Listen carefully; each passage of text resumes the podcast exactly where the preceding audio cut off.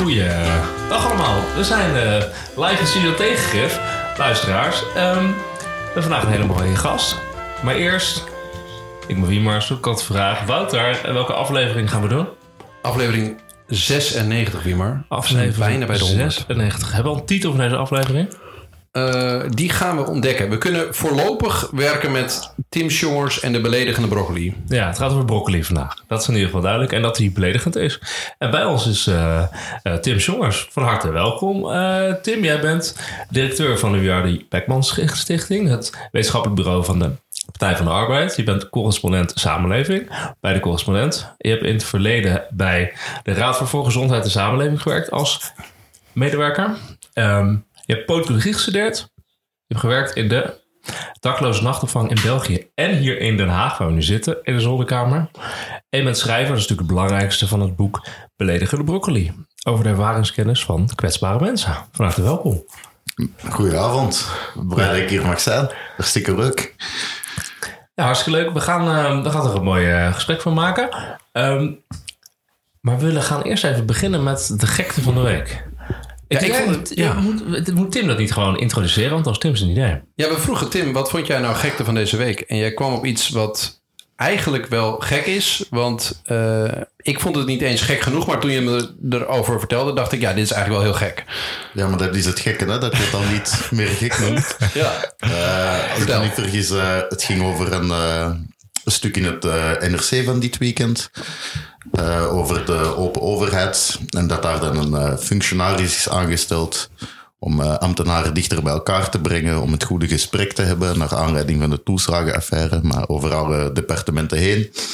En dan lees je een stuk van dat, dat er bijeenkomsten waren waarbij dan rond imaginaire kampvuren Socratische kringgesprekken plaatsvonden en dat er een uh, schilder het ongezegde kwam schilderen en dat dat dan uh, moet bijdragen aan uh, een betere en open overheid.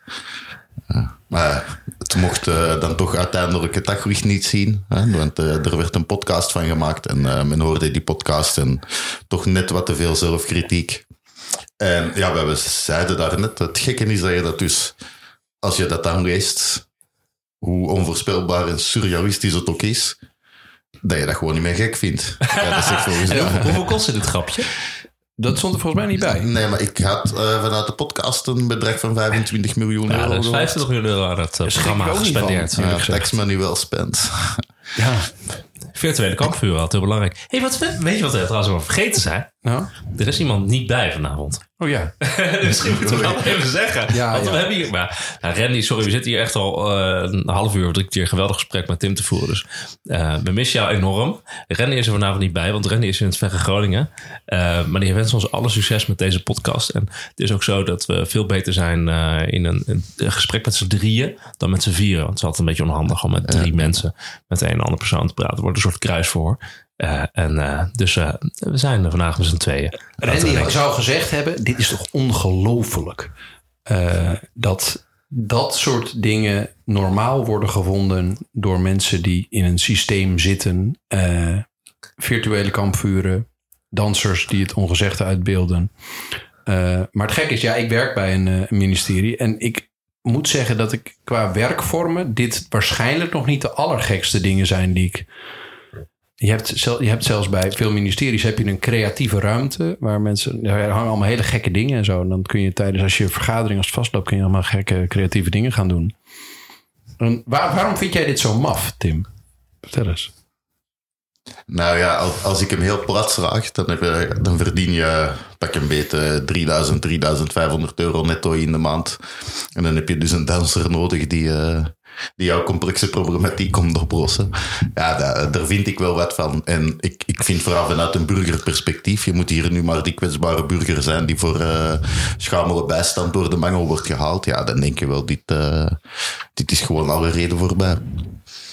Ja, nou, dat klopt. Ja. Het is zo'n programma. Kijk, maar op zich, ik snap dit hè, terecht. Het is een programma van 25 miljoen euro. En er zijn uh, 15 hoogwaardige adviseurs die in vijf jaar tijd het ethisch kompas naar de haarvaten van de Rijksdienst moeten brengen.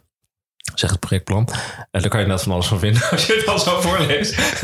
maar op zichzelf vond ik dat die, die, die, die podcastreeks En die interviews, om gewoon het tegen ambtenaren een beetje te prikken van joh, eh, waar loop je nou tegenaan in je werk? En wat zijn de ethische eh, grenzen of, of gevoeligheden waar je tegenaan loopt?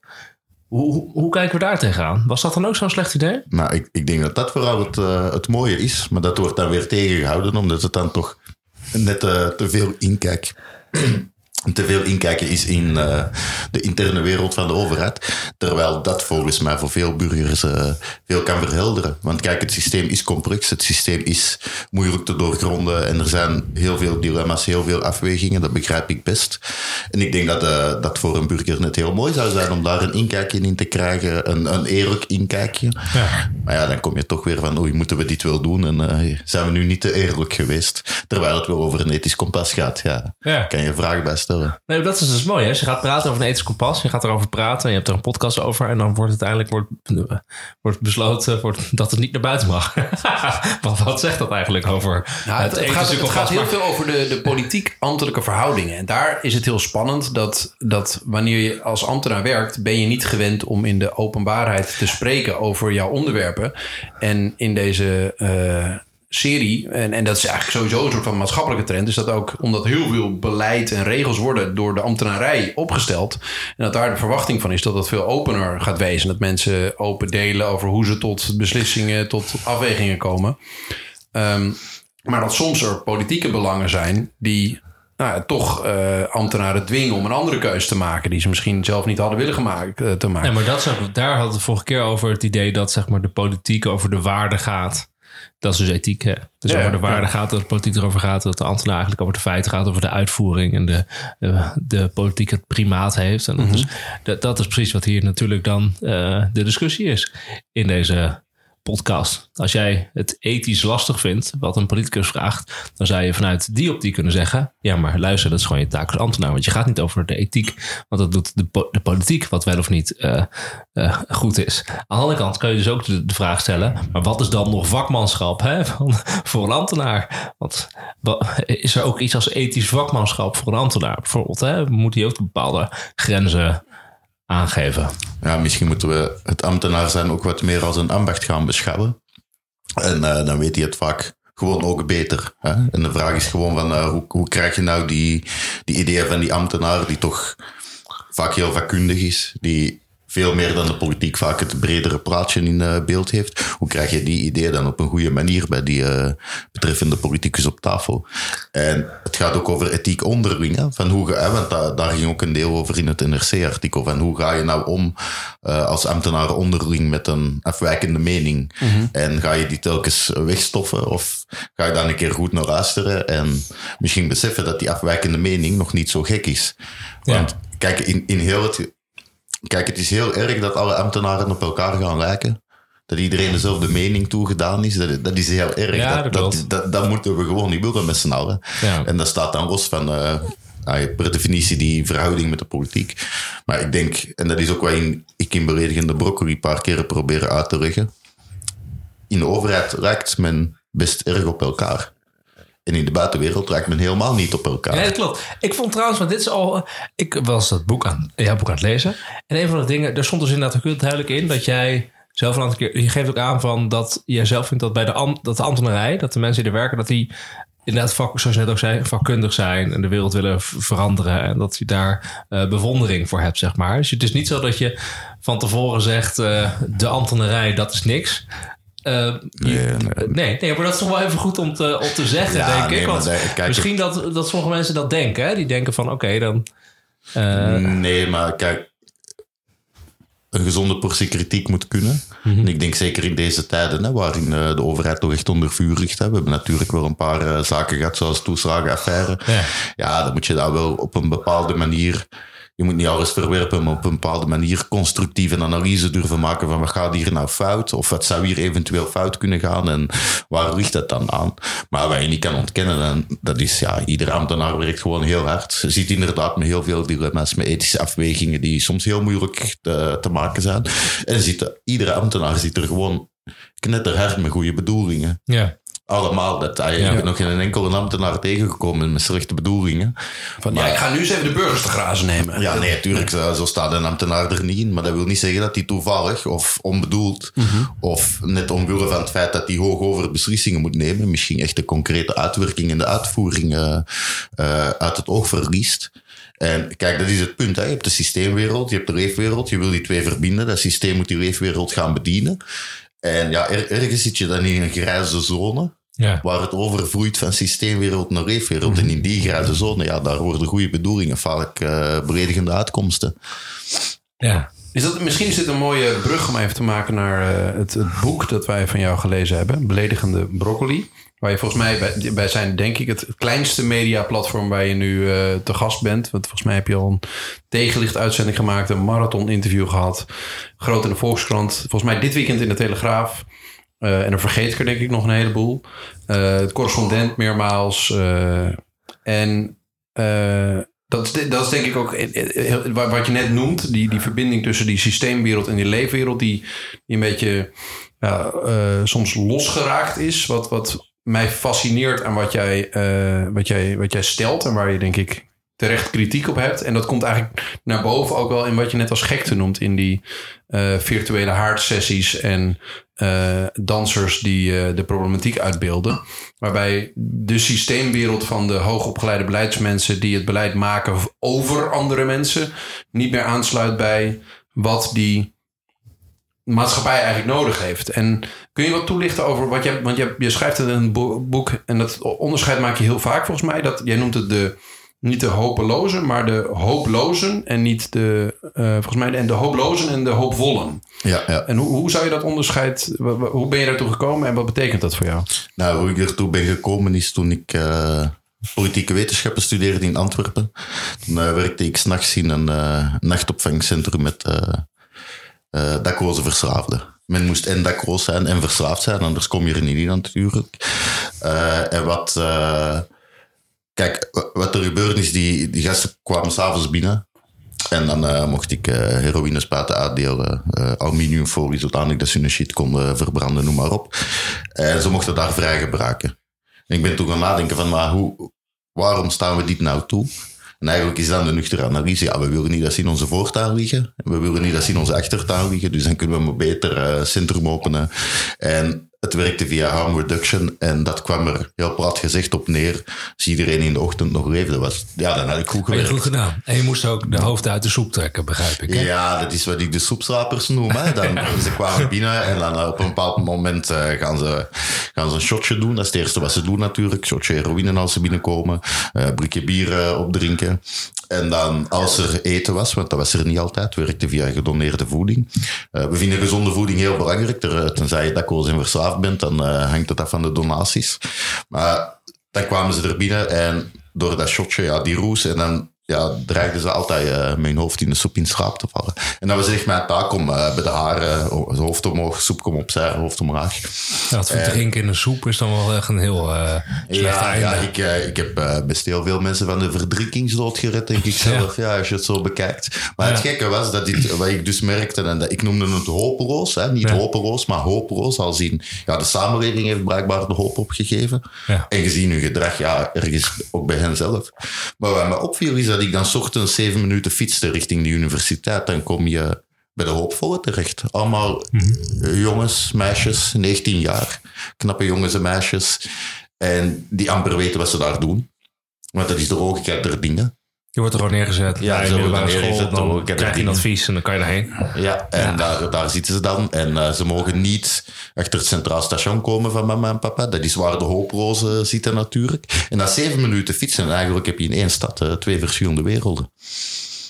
En dat, waarom ik het hoopvol en hopeloos noem, is dat omdat ik, ik vind die tegenstelling arm en rijk. Ja, dat, dat is heel objectief en dat snap ik. Maar dat gaat ervan uit, geef iedereen geld, maakt niemand arm en alles is opgelost. Nee, dan is niet alles opgelost. Eh, en hopeloosheid, dat ontstaat wanneer er drie condities aan drie condities voldaan zijn. Eh, de eerste conditie is dat je het gevoel hebt dat de huidige situatie negatief is en niet meer zal veranderen. De tweede conditie is dat je simpele dingen, simpele doelen wil stellen, maar dat je die niet kan bereiken. Zoals een opleiding bijvoorbeeld. En de derde is dat daardoor de, de uitkomsten in de toekomst ook heel negatief beoordeeld worden. En als die drie samen krieten, dan heb je hopeloosheid. En dat wil zeggen dat dat geld alleen het niet meer gaat oplossen. Maar dat je iemand nodig hebt met te doen inzien dat er nog licht gaat aan het einde van de tunnel. Ja, sterker nog, je hebt ook mensen die heel veel geld hebben en die hopeloos zijn. En andersom. Ja, en ik denk dat dat ook het mooie van die metafoor is, dat iedereen Ja. zich daar wel iets van kan in inbeelden, al was het maar een weekje dat hebben meegemaakt. Ja. Eh, en dat, ja, je moet het, je moet zo'n discussie over verschillen in de samenleving, moet je volgens mij demonetariseren, zoals ik het noem. Je moet dat loskoppelen van het geld, want het geld is natuurlijk heel belangrijk, maar dat is niet het enige. Want in die en hopeloosheid want jij zegt ook... ook dat, dat eh, hooploosheid en hoopvolheid, of de hooploze en hoopvol, inderdaad dat de samenleving de hoop voor een bepaalde groep heeft verloren, of een bepaalde persoon heeft verloren, of voor, de hoop heeft voor een bepaalde groep. Want studenten hebben misschien ook wel helemaal geen geld, We hebben of tenminste weinig geld, ja, ja. maar we geven ze heel veel, zijn er wel heel hoopvol over ze, zeg maar. Ja, hun toekomst ziet er gewoon glorieus uit. Ja, precies. Dat is wel, eh, het is wel een mooi onderscheid. Ik vind het sowieso wel mooi dat jij heel erg die wereld, die clash der wereld de hele tijd laat zien.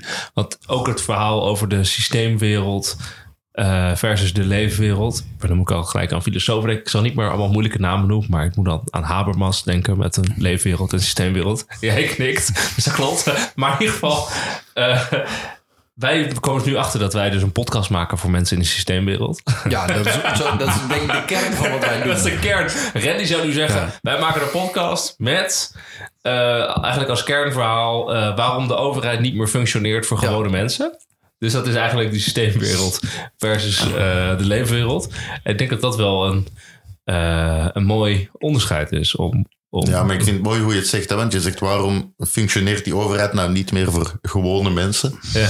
Ja, misschien heeft dat ermee te maken dat er relatief weinig gewone mensen in die overheid ja, zitten. dat is een goed punt. En kijk, wat mij opviel, ik ben best laat begonnen met studeren. hè. Ik was al 28. eh, het verhaal voor Hooploos, toen was ik al 30, zat ik tussen 19 jaar op de uni- universiteitsbanken.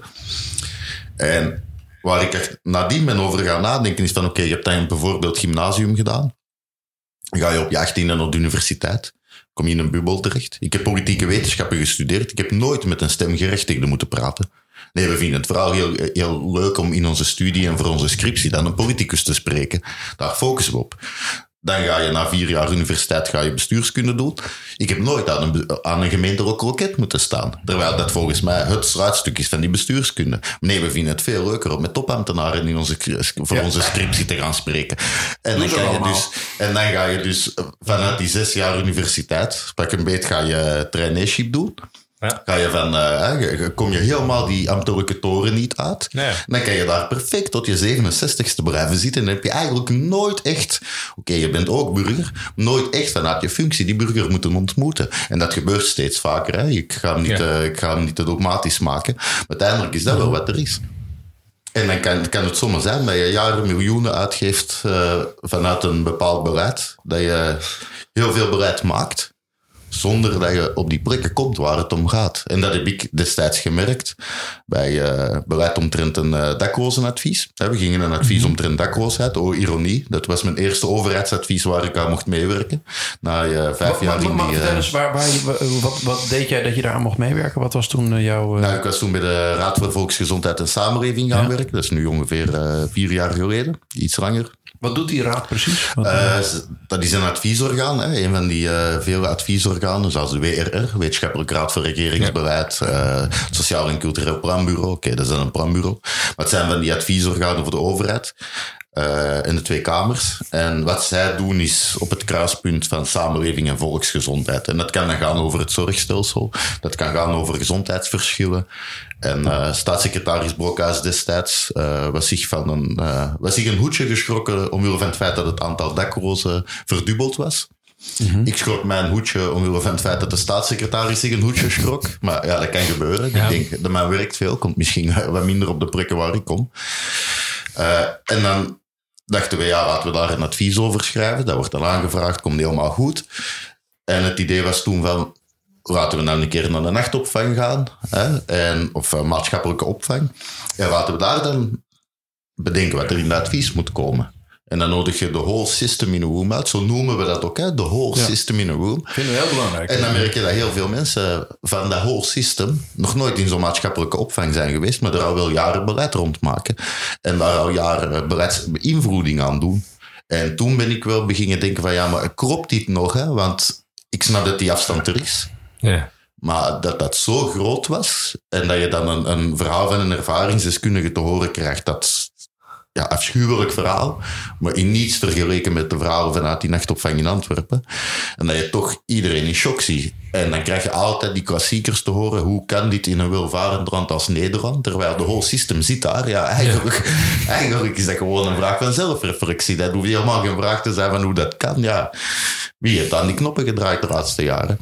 En van daaruit ben ik kritisch beginnen nadenken over dat functioneren. En waar ik op uitkwam was weer al die, die scheidsrand tussen die hoop.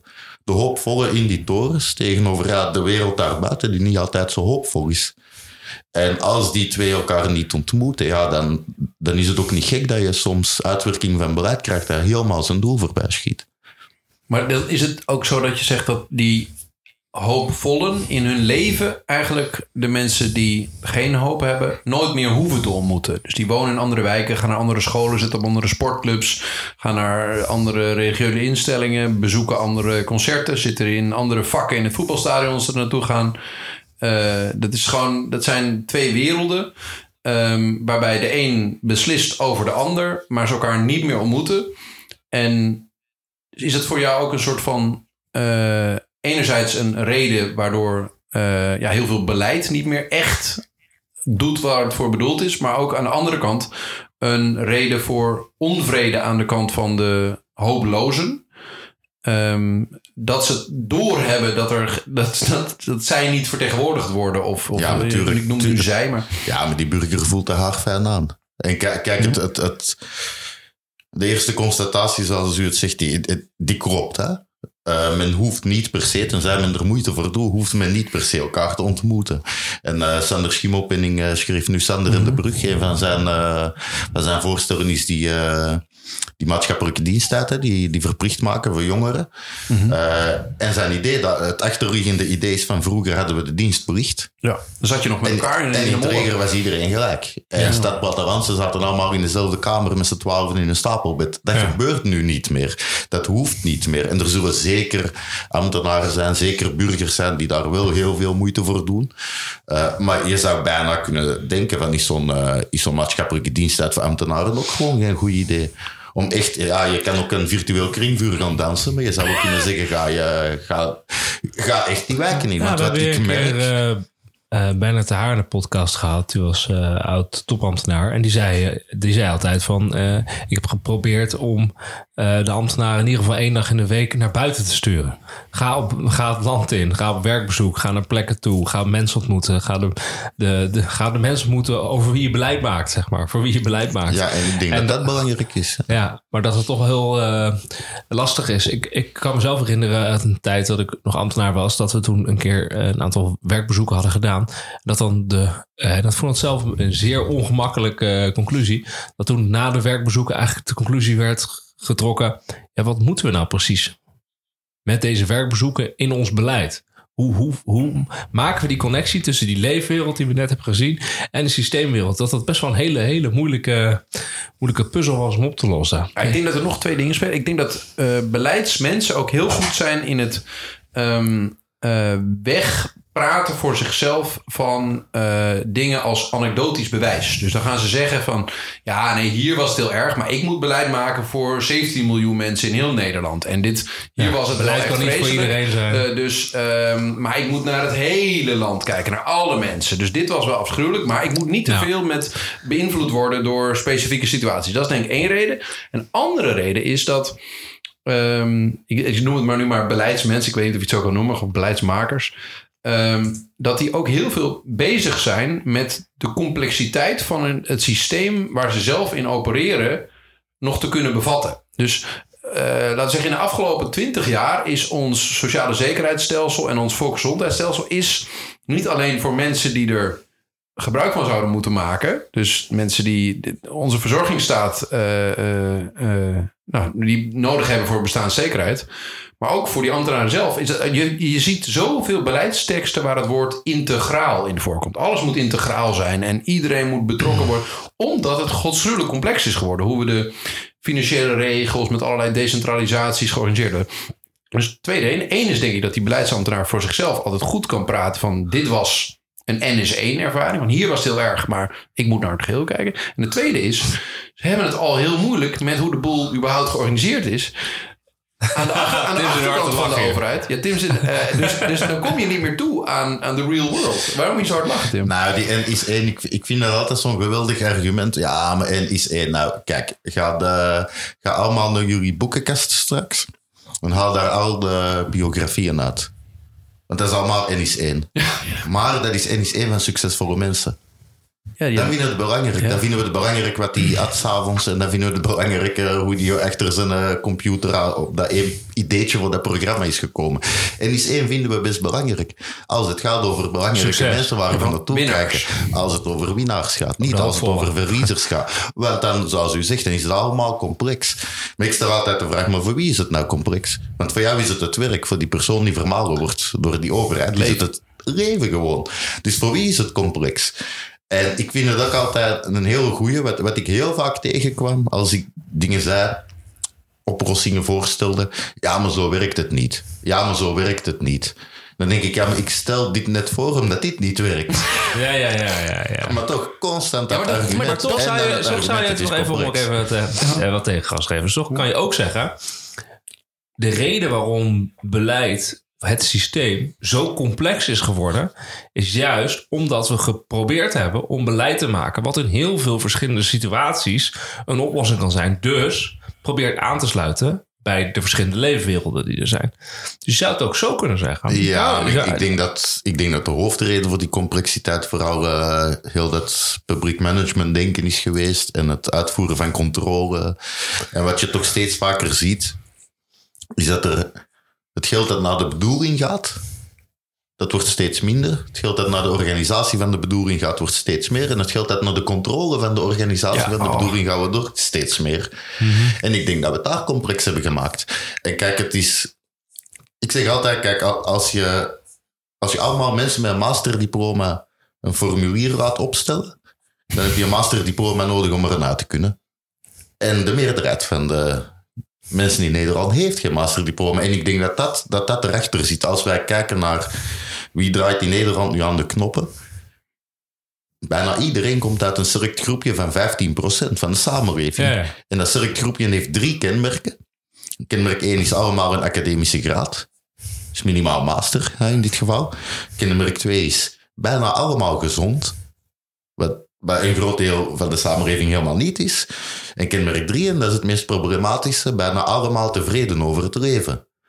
Tevreden over hun sociaal netwerk, tevreden over hun inkomen, over hun werkzekerheid en noem maar op. En dat is waar, hè, waar Wouter naar verwees. Die groep aan die onderkant, en dat bedoel ik respectabel, die groep aan die onderkant, die is niet gezond en die is niet tevreden en die heeft die academische graad niet. Tuurlijk herkent hij zich niet meer in dat beleid.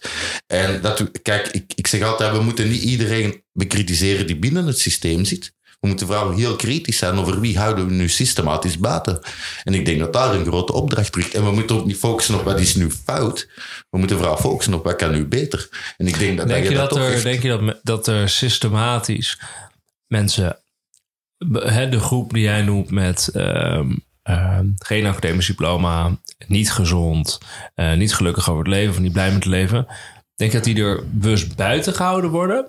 Of is het gewoon zo dat als dit de mensen zijn die beleid maken, die je noemt, dat het vanzelf is dat je beleid krijgt wat heel erg voor mensen is die op hun lijken? Ja, en kijk, als je om de knoppen draait, dan is het eh, volgens mij een redelijk menselijke onbedoelde neiging om ook af en toe in je eigen richting te draaien. En dat zien we, dat beleidsuitkomsten toch vaker positief zijn in, of positiever ontvangen worden, ook democratische uitkomsten, door mensen die hoog opgeleid zijn. Ja. Maar ze draaien ook allemaal aan de knoppen. Dat wil niet zeggen dat ze dat allemaal fout doen, omdat daar één gigantisch raar plan achter zit. Hè. Dat, dat zijn volgens mij heel onbewuste, onbedoelde menselijke neigingen. Maar wat ik wel vind, Kijk, ik ben nu best eh, recent eh, hoog opgeleid, zeg maar, zeven jaar. Ja, wat me opvalt is, eigenlijk is er niks zo discriminerend als een diploma. Waarom? Het houdt, het houdt gewoon gigantisch veel deuren dicht. Een diploma houdt heel veel deuren dicht. En meestal de deuren waar het naar besloten wordt. Dan kom je zonder diploma gewoon niet in. In, jouw, in jouw boek en ook in je stukken heb je het heel vaak over, dat vond ik een heel mooie term, meritocratische struisvogels. En volgens mij is dat wel een beetje wat, wat hieraan dan achter zit. Dat die systeemwereld het voor zichzelf rechtvaardigt dat ze beleid maakt en regels maakt vanuit de logica van de mensen in die systeemwereld. En dat is eigenlijk met het best wel harde argument in het achterhoofd. Maar wij zijn de beste. Dus het is terecht dat ik hier zit. Want ik heb die opleiding gehaald. En die andere mensen, of voor wie ik het beleid maak, of over wie ik het beleid maak, hadden dan ook maar die opleiding moeten doen. Want we, we hebben, in principe hebben we hier een eh, kansengelijkheid. In ieder geval, dat vertellen ze ook zichzelf. Maar ik vind zelfs die OVD niet meer tegenwoordig. Eh, dat vindt zelfs. de- ja, dat is een ander verhaal. Eh, maar. wat. Eh, dus. dus die, ja, jij noemt dat meritocratische struisvogels. Denk ik een goed gevonden metafoor. Ehm, maar dat is denk ik wel wat er bij heel veel van die goedbedoelende, hoogopgeleide met een mastertitel gezonde beleidsmensen achter zit. Is dat ze voor zichzelf rechtvaardigen dat ze in die wereld met diploma hebbende mensen nadenken over maatschappelijke problemen. Is dat ze dat meritocratische ideaal hebben van ja, maar we hebben toch kansengelijkheid en daarom zit ik hier op deze stoel in mijn prettige leven. Die, ja. Maar de vraag, is of, de vraag is of de beste zijn de enige legitimatie moet zijn om mee te beslissen over bepaalde zaken in dit land. Want kijk, ik, ik, ik zou heel veel kunnen zeggen over buitenland beleid en over Amerika en misschien over China en Japan. En, maar als ik daar nog nooit ben geweest, hoe serieus gaat u mij nemen? Dan gaat u echt denken, ja, dat kan jij wel zeggen, in welk boekje heb je dat gelezen? Maar als het gaat over eh, sociaal beleid, ja, dan vinden we het kennen van die andere wereld helemaal niet belangrijk. En wat ik al vaker gezegd heb, van, kijk, al- als wij vanavond op restaurant gaan, dan verwachten wij wel dat de saus een keer van zijn, eh, dat de kok een keer van zijn eigen saus heeft geproefd. Ja. Ja, met beleid vinden we helemaal niet belangrijk.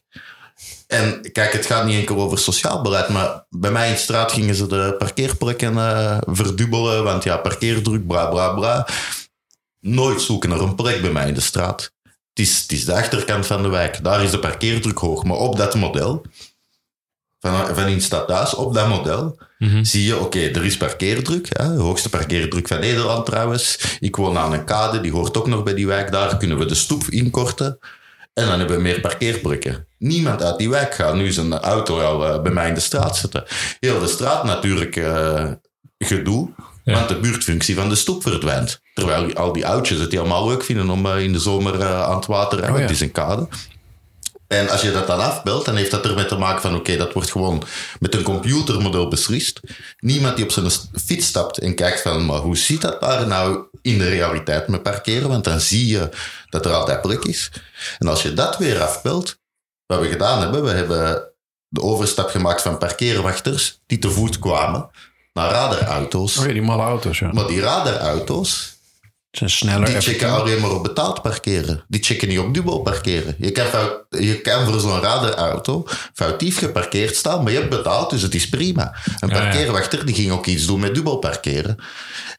Dus het probleem zit veel dieper dan, dan gewoon dat ene model. En daar zou je naar moeten En kijken. hier wel weer de systeemwereld versus de leefwereld. Ja, ja dat, kijk, en dat, dat zie je volgens mij heel vaak. Ik, ik, als ik, eh, u zegt dat, af en toe grote media, dan in de taxi doe ik altijd mijn babbeltje ter voorbereiding tegen Mhm. de taxichauffeur. Ik ben nog geen enkele taxichauffeur tegengekomen die niet gezegd heeft, ja, maar ja, al die mensen met hun regeltjes, die hebben nog nooit in een taxi gezeten, ja. Zeggen al die taxichauffeurs als ik mijn verhaal vertel. Ja. En dat kom ik gewoon in Ah. op heel veel. Maar kijk, er is gewoon weinig lobbykracht aan die onderkant van de samenleving. En dat is volgens mij een van de problemen. Is, is dat minder geworden? Dat vind ik wel een interessante. eh, eh, want het lijkt wel alsof dit thema. Kijk, het is niet voor niks dat dit nu heel erg aanslaat en mensen erover willen hebben. Ik denk dat er ook in het systeem wel een soort van jeuk bestaat.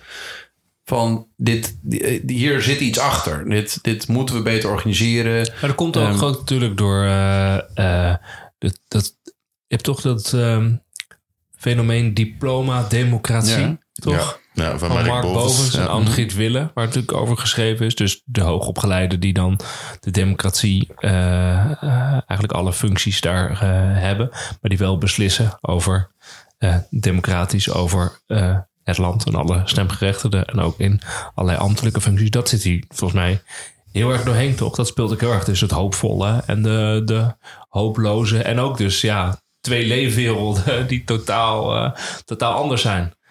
En die Ja, maar vermogensongelijkheid passen. Kijk, en het gaat ook verder. ook heel eh, sterk. Kijk, het gaat ook verder dan dat, hè? Want kijk, nu willen jullie met me praten.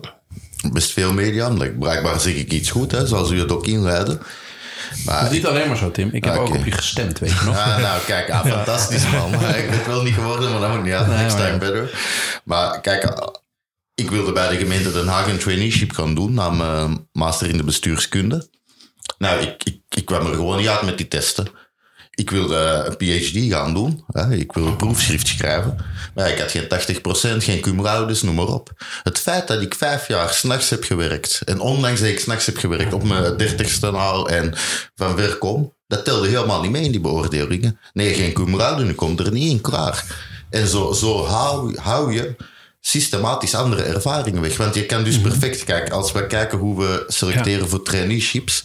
Op wat selecteren we? Ja, liefst gymnasium. Bachelor, master moet je in één grote beweging gedaan hebben. Liefst cum laude, Liefst een bestuur, eh, ja, liefst twee. Liefst een bestuurszitje gehad. En liefst minimaal een half jaar eh, Erasmus. Want dan, anders heb je geen buitenlandse ervaring. Dat wil zeggen dat als jij nog hier komt op je zesde, en je leert de taal, via mbo, noem maar op. Ga je dan uiteindelijk, ga je dan, eh, ga je toch wat stapelen. En je komt dan op je 27e eindelijk met dat diploma in aanraking. Hè. Dat bereik je eindelijk. En dan heb je tijdens je studies nog een baantje gehad. Je biculturele ervaring telt dus minder zwaar door dan je half jaar Erasmus. ja. Dat krijg je toch niet meer uitgelegd. En dan is niet de vraag wie hou je binnen. De vraag is wie hou je nou systematisch buiten. En ik denk dat we het daar met z'n allen gewoon over moeten hebben. Want als, als je, je hoogste ambtenarenapparaat geen afspiegeling is van de samenleving, dan zal ze ook nooit volledig beslissingen kunnen nemen ten behoeve van heel die samenleving. En daar moeten we scherp op zijn. Dat wil niet zeggen, nogmaals, dat hier iedereen het fout doet. Dat wil zeggen dat als je dat goed analyseert en die machtsstructuren op een goede manier in vraag stelt, dat we het wel met z'n allen beter kunnen doen. En daar moeten we nog streven, vind ik. Het, Ja, het want jij- lastige dat, dat hierachter zit, is dat ehm, de, het systeem, bijvoorbeeld, nou, bijvoorbeeld die selectieprocedures voor, voor ministeries en ambtenarijen en dat soort zaken. Dat gaat hij uitleggen hoe het werkt het bij zijn werk. Het idee heeft, ja, ik werk bij museum. Het idee heeft, ik heb ook ooit een traineeship gedaan, bla bla, eh, dat het ehm, op kwaliteit en competentie selecteert. Ehm, en dat het hetgeen is wat belangrijk is. Ja, maar welke kwaliteit en welke Ja, competenties? dat is ik, ik bedoel, de op, vraag. opgroeien in een biculturele... jij, jij, eh, eh, Jij zegt jij zegt ervaringskennis is een, Is een kwaliteit, kwaliteit. is een competentie en die wordt eigenlijk nu niet meegewogen of te weinig meegewogen. Ja, maar kijk, het, het is toch... Als je nou armoedebeleid maakt, dan zou het toch handig zijn dat, dat iemand die daarin zit op zijn minst iets weet van wat armoede is. Dat wil niet zeggen dat iedereen dat moet meegemaakt hebben. Maar als je dan iemand hebt die geen cum laude kan voorleggen, maar wel vijf jaar vrijwilligerswerk bij de voedselbank, nou dan heb je daar volgens mij een goede kandidaat te pakken. En die competenties, wat zijn de competenties Kijk, en dat is net het punt. Hè. Jij noemt het mooi, hè, de Wimmer, die eh, ervaringskennis. Maar wat je ziet is dat we ons constant baseren op drie kennisbronnen. En dat is professionele kennis. We, we weten hoe de hazen lopen. Beleidskennis. We kunnen fantastische notities schrijven waar we alleen zelf vanuit kunnen. En wetenschappelijke kennis. Dat zijn de drie kennisbronnen. Ervaringskennis zit niet als echte kennisbron mee in de assessment van wie hebben we hier nu nodig. En dat moet je volgens mij wel gaan doen. En ik spreek per definitie van ervaringskennis, niet van ervaringsdeskundige, want dan leggen we de verantwoordelijkheid weer bij een ander neer. En dan zeggen we, ja, maar jij moet ervaringsdeskundige en jij kan dan ingevlogen worden en je verhaal vertellen. Maar het gaat niet over verhaaltjes vertellen, het gaat over gelijkwaardig mee beslissen op basis van bepaalde ervaringen. En ik denk dat dat gewoon hartstikke nodig is. En ik vind ook, kijk, ik begrijp het ook omgekeerd. Hè? Als je iemand ervaringsdeskundig zonder een diploma, noem maar op, hè? dat maakt niet uit. Ja, dat kan botsen. Kijk, als wij, Wouter, als wij samen beleid maken en jij doet een voorstel, ik kan zeggen, ja, sorry Wouter, dom voorstel, en ik kan dat met jou beargumenteren. Maar als je dat met een ervaringsdeskundige doet, dan wordt het moeilijk.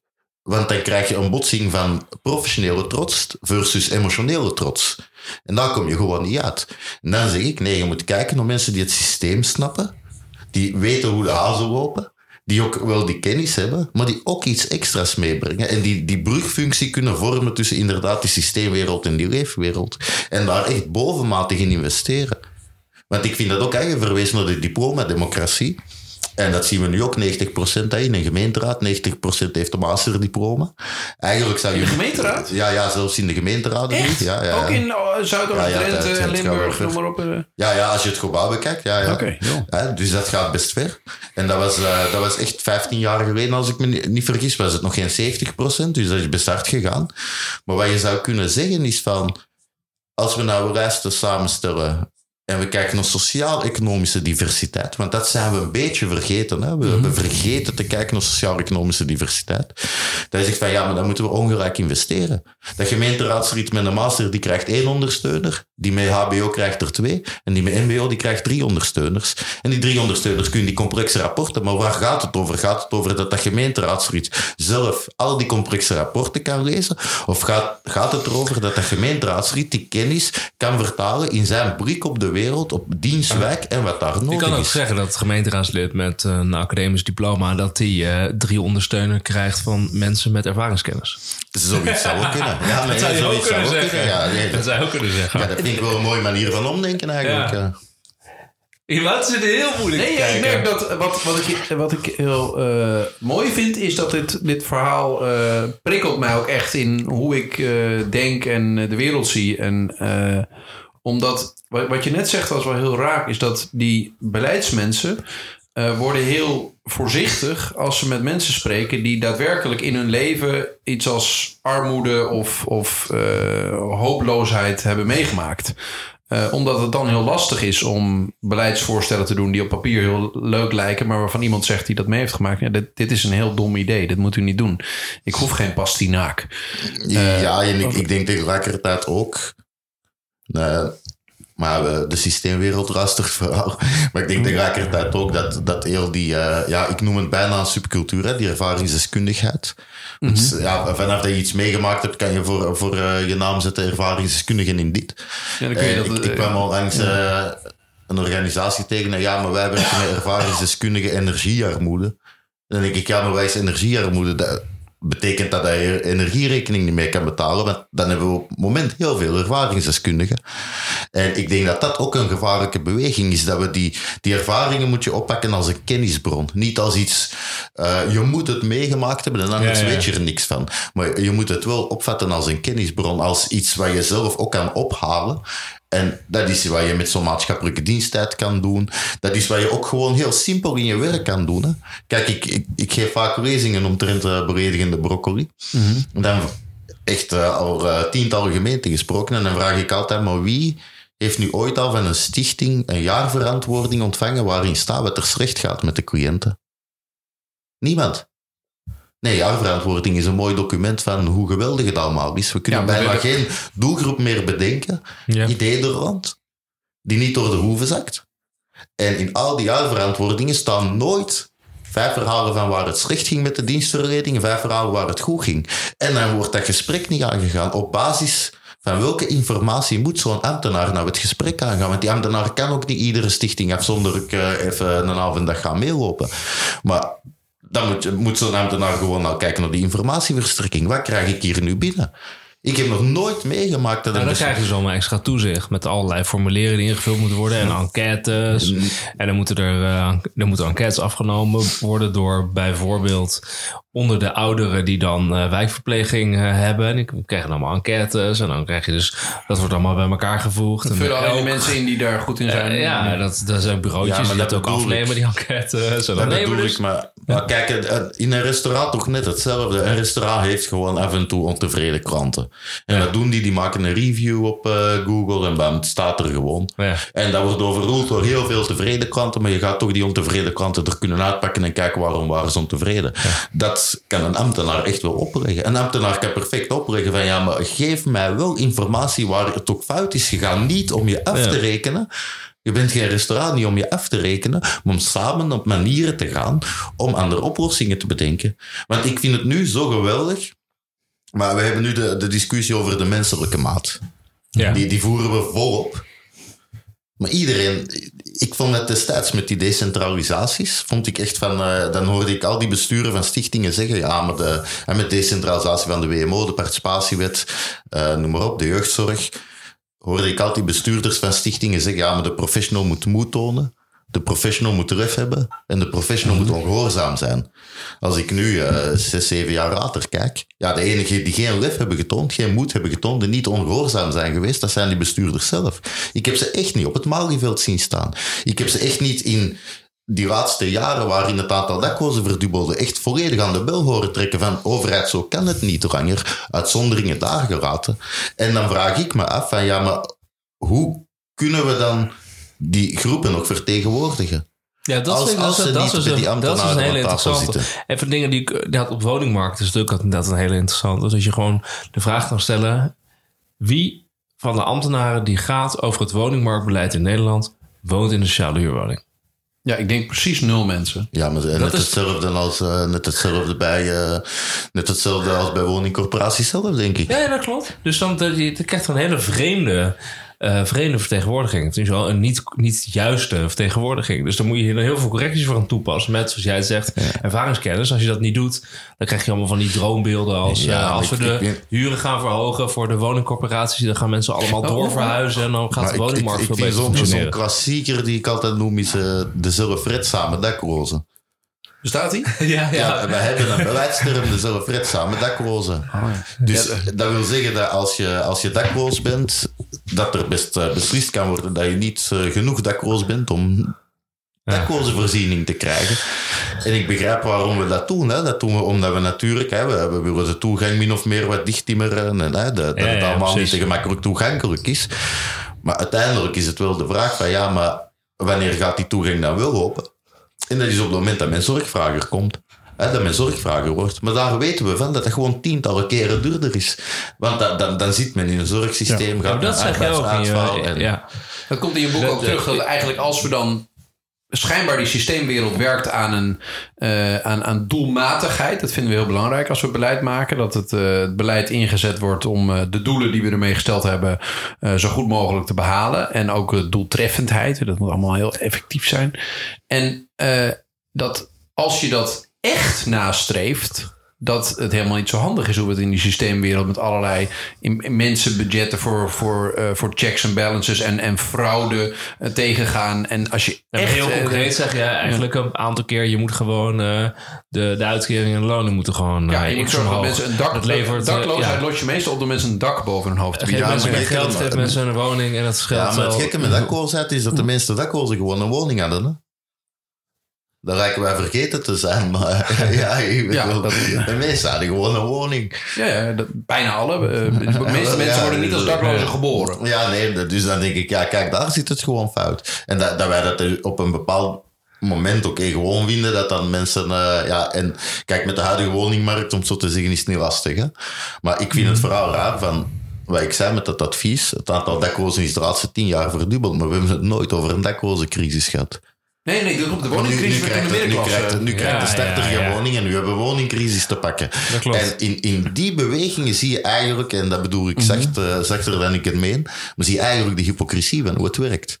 Want als die onderste 20%, dat vinden we al zo lastig niet. Wordt het 25%, nou, dan gaan er al belletjes af. En vanaf 30% zou het ook onze buurvrouw kunnen zijn, of onze eigen zoon of dochter ja, ja. kunnen zijn. Die daklozen staan Nou, er, dat er is zijn over Nederland daklozen, ik geloof zo'n 60, 70.000. Ja, nee, de meeste daklozen tellen letterlijk niet mee. Hè. Oh, die tellen we dan Hè, niet. Ja. Die, die tellen we maar die staan ook niet in het mee. Malieveld, hè? Maar- die hebben, nee, zijn nee, aan het nee. overleven. Ja, Eh, dus die zul je niet op. Maar, maar ik, ik wilde even. eh, Ik, Ja, maar dit is een hele goeie. Hè? Dus zeg maar dat, eh, dat dingen worden pas politiek en een crisis genoemd op het moment dat het de middenklasse het gaat raken. Of het gaat de kinderen van de middenklasse raken. Dan zie je in Nederland ineens dat er een beweging ontstaat. En tot dat moment is het eigenlijk geen probleem. Want dan gaat het toch wel vaak... Dan wordt er gezegd, ja dat zijn dus de uitzonderingen. Of die paar die het inderdaad niet hebben gered met zelfredzaamheid. Of toevallig buiten ja systeem zijn ook die gevallen. termen zelfredzaamheid. Ja, Ja, daar wilde ik nog naartoe, dus daar ik even laten vallen. Want jij hebt een, je gaat helemaal los op de term zelfredzaamheid. En zegt het ook, ja, en dat vind ik dus heel goed. Dat je zegt, ja, eh, de context, gewoon dat er een soort verzwakkende omgeving is voor mensen, waar, waardoor ze vanzelf eigenlijk met tegenslag, waardoor je eigenlijk niet van mensen kan verwachten dat ze zelfredzaam zijn. Je geeft ook vaak het voorbeeld, vind ik ook mooi, van eh, inderdaad zo'n hoopvolle, die dan een slechte dag heeft en dan vervolgens met twee glazen wijn en... Ja, en, eh, en, eh, en, eh, wat is het? Kimberly. die ja, ja, die met twee glazen wijn en een paar repen chocola op de bank zit. Tony ja, dat we dan denken, oké, je hebt zeezout. gewoon een slechte dag gehad. Maar als Kimberly het eh, doet met na zo'n hele slechte dag, dan zeggen we, jeetje, kijk eens naar je, naar je leefgewoonte. Wat Daar dom komt van het je. meer. Wat dom van je. Ja, en dat zijn die, die zo. Kijk, en dat zijn de aannames die. En dat heb ik heel, heel vaak gemerkt hè, toen ik bij de, bij de RVS werkte. De aannames die er zijn, en niet per definitie bij de mensen die bij de RVS werkten, maar als je dan mensen praat in het veld of, of binnen die beleidstorens van oké, met die gezondheidsverschillen, arme mensen gaan eh, acht jaar eerder dood, 25 jaar minder goed ervaren gezondheid, dat is wat. Dat weegt op ons rand. Dat die aannames snel zijn, maar ja, maar ze maken domme keuzes en ze doen ongezonde Ja. dingen. En een van die ongezonde dingen is dan van, ja, kijk, als we allemaal een rotdag hebben, ja, dan doen we s'avonds ook een biertje, reep- eh, chocolade, we gaan niet naar de yoga, Ja. we gaan niet hard lopen. Maar als, als dat rotdag een rotte leven is van een half jaar aan een stuk, ja, dan kom je er met twee glaasjes wijn niet meer. En ik, ik vind dat dan ook in heel die discussie van, arme mensen doen domme dingen. Want eh, een mooi voorbeeld is dan van ja, maar ze krijgen dan de bijstand. En het eerste dat ze doen is, het eerste dat ze doen is dan bijvoorbeeld eh, nieuwe schoenen kopen. Nou, dat, dat vinden we dan domme dingen, want ja, dan hebben ze de rest van de maand weinig geld en dan moeten ze uiteindelijk terug naar de voedselbank. En dan denk ik, oké, maar wat wij allemaal doen, ondanks dat wij allemaal een goed loon hebben, als ons loon gestort wordt, dan, dan gunnen we onszelf iets. Ja. Dan koop je een jurkje, hè, voor de vrouwen onder ons. Die koopt dan een jurkje. Of je gaat een keer uit eten, waar je eigenlijk een hele maand uit eten kunt gaan. Maar toch denk je, ja, maar ja, dat, dat kan ik wel doen. En we hebben dan vaak zeggen tegen onze partner bijvoorbeeld, is van, ja, maar je hebt er wel hard voor gewerkt. En ze geloven het nog ook, hè, met onze 32 uur arbeid. Maar we hebben er hard voor gewerkt. Ja, ja, ja. Maar, maar dat doen Ja. we dus. ja. Maar als, als je dus een hele maand de hofnar van die samenleving bent en er wordt een hele maand naar je neergekeken en je bent een hele maand afhankelijk van allemaal andere mensen die je niet wil of niet kunnen begrijpen. Ja. En je kan één, één dag in de maand koning zijn, dan noemen we dat dom. Maar misschien heb je die een dag koning zijn heel hard nodig om de rest van de maand hofnar te kunnen zijn. En misschien is die een dag koning iets dat ons heel veel opbrengt als samenleving. Want de rest van de 29, 30 dagen houden ze lekker klein en dan gaan ze niet naar het Marieveld, zoals jij het er net zei. Ja, en, en wat je in je boek schrijft, en dat raakt mij misschien wel het meest van het hele boek, is de gedachte dat jij schrijft dat als we er zo van overtuigd zijn dat arme mensen domme dingen doen, dan impliceren we daarmee dat rijke mensen slimme dingen doen. En dat, eh, dat we dus in on- eh, onze hele maatschappij, beeld en wat onze cultuur misschien wel, de aanname zit dat rijke mensen, als die iets doen, dat het dan oké is. En als arme mensen precies hetzelfde doen, dat het dan dom is. Want Ja, arme mensen doen domme dus dingen en rijke gewoon mensen dat doen je- slimme dingen. Dat, je gewoon, dat is gewoon echt gewoon psychologie. Dat je inderdaad denkt van mensen die succes hebben, die hebben het aan zichzelf te denken.